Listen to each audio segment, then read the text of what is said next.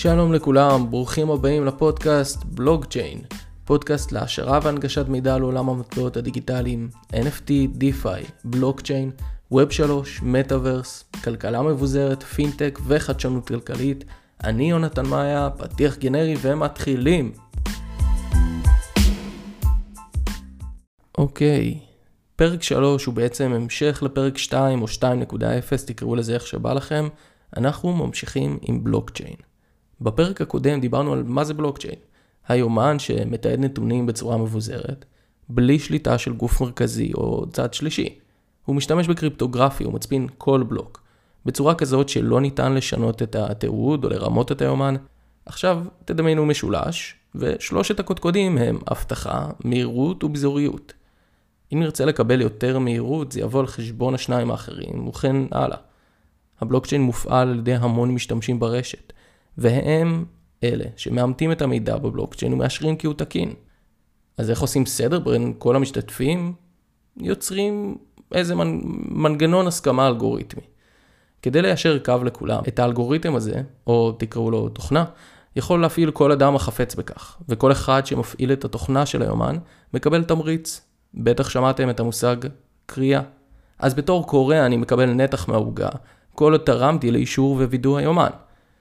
בכוכבית קטנה, לפעמים העלויות של החשמל עולות על הנתח מהעוגה, ולכן אין כדאיות להפעיל את התוכנה, את האלגוריתם, רק עם לפטופ אחד, אלא חווה שלמה של מחשבים. תהליך הקריאה מתבצע בגדול על ידי פתירת חידה מתמטית. והראשון להגיע לפתרון יש לו זכות לחתום את הבלוק ולקבל את הפרס עבור התרומה שלו. הפתרון הזה צריך להיות מוסכם על ידי כולם ברשת, אחרת כל אחד יכול לעשות מניפולציה ולהגיד, היי, hey, הנה אני פתרתי, הנה הפתרון שלי. לכן כולם צריכים להגיע להסכמה. אז כולם פותרים את אותה חידה וכולם עובדים קשה בשביל להגיע לפתרון. וזה מנגנון ההסכמה הראשון.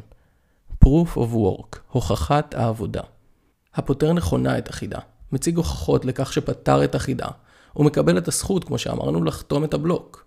ביטקוין משתמש ב-Proof of Work. גם איתריום, המטבע השני בגודלו, משתמש בהוכחת עבודה. אבל כבר למעלה משנתיים הקהילה והמפתחים עובדים על שדרוג ומעבר שלו ל-Proof of Stake. וזה מנגנון ההסכמה השני. מנגנון ההסכמה השני, Proof of Stake, הוכחת הסיכון. לא, לא, לא סטייק בשר, סטייק מלשון סטייק, לסכן. האלגוריתם הזה בעצם מגריל מישהו אחד, מבין כל המשתתפים בהפעלת היומן, כדי שיוודא ויאמת את המידע. אבל לא סתם כל אחד, רק מי שהעמיד בסיכון את המטבעות שלו. אתה בעצם נועל את המטבעות שלך. בלי יכולת להשתמש בהם, בלי יכולת לסחור בהם, ועבור זה שאתה נועל ומוודא את המידע ביומן, אתה מקבל ריבית עבור הנעילה של המטבעות. התנהגת לא טוב וניסית להעביר מידע שקר, לאמת משהו שהוא לא נכון, אתה עלול לקבל קנס ולאבד את המטבעות שהפקדת כמעין עירבון. Proof of Stake הרבה יותר ידידותי לסביבה מאשר ל-Proof of Work, ולכן איתריום והקהילה כרגע מנסים לעבור אליו. מנגנון ההסכמה השלישי שאני רוצה לדבר עליו הוא Proof of History. מטבע בשם סולנה משתמש בו, ואם הקשבתם בפרק הראשון על הבלוקצ'יין, סולנה מסוגל לבצע למעלה מ-65 אלף טרנזקציות בשנייה. בזכות מנגנון ההסכמה הזה. מה מיוחד בו? בגדול, מכניסים את כל המידע לבלוק, אבל הקידוד הקריפטוגרפי קורא על חותמת הזמן של הבלוק ולא על המידע עצמו. לכן זה מאפשר להוסיף בלוק לשרשרת ולהגיע להסכמה בלי לבזבז הרבה משאבים על פתרון חידה מתמטית, לכן זה הרבה יותר מהיר. מנגנון ההסכמה הבא הוא Proof of Stake Delegate. טוב, אה, בקצרה. בתור משתמש ברשת אני נועל את המטבעות, כמו Proof of Stake רגיל, רק שבנעילה אני בוחר נציג שייצג אותי ויקבל החלטות על הרשת במקומי. יש גם מנגנון הסכמה Proof of Capacity שמשתמש בזיכרון המחשב וזיכרון ההרדיס כדי לחתום את הבלוק. וככל שיש לכם יותר זיכרון, הזכויות שלכם על הבלוקצ'יין גדלות. יש עוד מנגנוני הסכמה, למשל כזה היברידי שמשלב בין Proof of Work, אבל אני חושב שנגענו בעיקריים, ובעיקר כי אם אני אמשיך לדבר אתם תשתעממו בסוף. מפה אנחנו נקפוץ לאיזה יכולות יש לבלוקצ'יין. יכולות לשכבות הבלוקצ'יין. זוכרים את משולש הבלוקצ'יין? אבטחה, ביזוריות ומהירות? השכבה הראשונה, העיקרית והבסיסית, הן הארכיטקטורה שמכתיבה איזה סוג בלוקצ'יין אנחנו רוצים.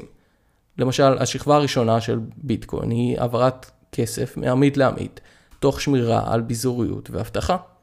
השכבה השנייה היא היכולת להעביר פעולות לבלוקצ'יין ולתת פתרונות ומענה לצרכים כמו מהירות. בשכבה זו אנחנו נפעל off-chain, מחוץ לבלוקים הרגילים, למשל השכבה השנייה של ביטקוין שנקראת רשת הברק, יוצרת רשת מיקרו תשלומים. אני אסביר. לדוגמה, אני מסתפר אצל הספר שלי פעם בשבוע. עכשיו, כל שבוע אני משלם לו בביטקוין.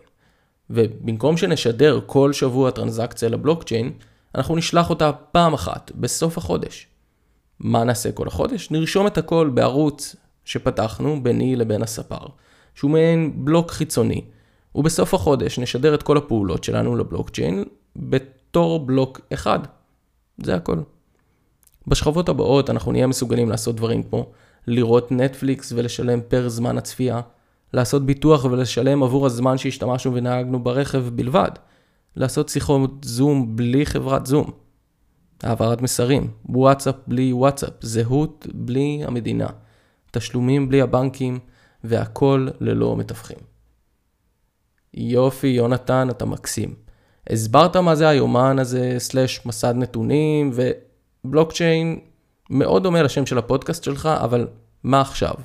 מחר בסופר אני הולך לקנות חלב ובום, בלוקצ'יין? מה אני עושה עם זה עכשיו? התשובה הקצרה. כן, הלכתם לסופר לקנות חלב ובום, בלוקצ'יין. בתור התחלה, בלוקצ'יין הוא עמוד התווך לכלכלה מבוזרת, להעברת כסף מעמית לעמית ללא תיווך. בלוקצ'יין גם יכול לתת לנו זהות דיגיטלית, שקיפות מול אתרים ושירותים ממשלתיים, מניעת שחיתות, רישום רפואי, ביטוח לסוגיו השונים. רישום נדל"ן, צריכה של תוכן, בדגש על אי-ספורט, משמע אה, אה, גיימינג, ניהול שרשרות אספקה, הגנה על זכויות יוצרים ועוד המון. הלכתם לקנות חלב? אז יש של תנובה וטרה ויוטבתה ועוד זה יבואן וחלב עמיד וחלב דל חלב וחלב שהוא לא חלב אבל משקה חלב. את, איך אתם יודעים במה לבחור? אתם לא, ופשוט תיקחו משהו לטעמכם או לכיסכם. אבל אתם יודעים אם החלב הזה יגיע מפרה חולה? אולי בכלל הוא חלב שהרתיחו אותו כבר פעמיים, מוגלה, דלקות עטין? דרך הבלוקצ'יין יהיה אפשר לעקוב אחר כל שרשרת האספקה, כי הכל מתועד, ואם יש כתם שחור יהיה קשה מאוד להסתיר אותו. אנחנו כמובן נצטרך כלים כדי לחלץ את המידע מתוך הררי המידע שקיים בתוך המאגר, אבל יש חברות שעובדות על התהליך הזה, כדי לפשט ולהציג לנו חלקי מידע מתוך סך היומן הגדול. הבעיה נותרה לשכנע את תנובה, להשתמש בתיעוד כזה, בתיעוד כזה שקוף, או שאולי זה בכלל לא בעיה. ואם התיעוד הזה יעזור למוניטין שלה, תראו, אני משתמש בבלוקצ'יין, הכל שקוף ופתוח עבורכם הלקוחות, כדי שלא סתם אני אגיד לכם שאנחנו מייצרים את החלב הטוב ביותר עבורכם, אלא תבדקו אותי ותוודאו. אז עד שהבלוקצ'יין יגיע למכולת השכונתית או לתותי קפה, בואו נטוס לדובאי. שחרתה על דגלה להיות המדינה הראשונה בעולם שמופעלת כולה על ידי בלוקצ'יין, ואפילו הקימה משרד ממשלתי ייעודי לדבר. בדרום קוריאה, סמסונג מייצרת פתרונות מבוססי בלוקצ'יין לממשל הדרום קוריאני לטובת ביטחון הציבור ותחבורה ציבורית. חברת קודק מפתחת מערכת בלוקצ'יין לטובת ניטור ומעקב אחר תמונות של צלמים, כדי לשמר זכויות יוצרים וליצור עבורם מערכת תגמולים מתאימה לשימוש בתמונותיהם. בנק הפועלים הסוללים, בשיתוף מייקרוסופט בונים תשתית מבוססת בלוקצ'יין לניהול ערבויות בנקאיות. BMW משלבת טכנולוגיות בלוקצ'יין בפס הייצור שלה לניהול המלאי. כל השימושים המעשיים האלה הם רק קצה הקרחון. עוד ועוד חברות יגיעו להשתמש בטכנולוגיה הזו ולעשות לה מודיפיקציות כדי לתת שירותים טובים יותר. עד סוף שנת 2024, הערכות הן שתאגידי ענק יוציאו 20 מיליארד דולר בשנה על תשתיות בלוקצ'יין. למעלה מ-90% מהבנקים בארצות הברית ובאירופה החלו כבר לחקור איך לשלב במערכות שלהם טכנולוגיית בלוקצ'יין. 10% ממדינות העולם שוקלות להנפיק מטבע דיגיטלי לאומי מבוסס בלוקצ'יין. ולמרות הכל, בלוקצ'יין עדיין לא מאומץ באופן גורף. הוא מחליף את הדאטה סנטרים המוכרים לנו כיום. אולי בגלל התדמית השלילית שנתפסה סביב הביטקוין, אבל זאת בהחלט התחלה טובה. בפרקים הבאים נבין ביחד מה זה ארנק דיגיטלי, מי אתם ביטקוין, איתריום ומטבעות נוספים, יש עוד הרבה למה לצפות. תודה רבה. אני הייתי יונתן מאיה, אתם האזנתם לבלוגצ'יין. נשתמע בפרק הבא. תעשו לייק באינסטגרם ותעקבו בטוויטר, כדאי לכם. תירשמו כמנוי באפליקציה, באיזה אפליקציה שאתם מאזינים לה, ככה תוכלו לדעת מתי הפרק הבא יוצא. אין לראות באמור ייעוץ השקעה או המלצה פיננסית, המידע להשערה בלבד.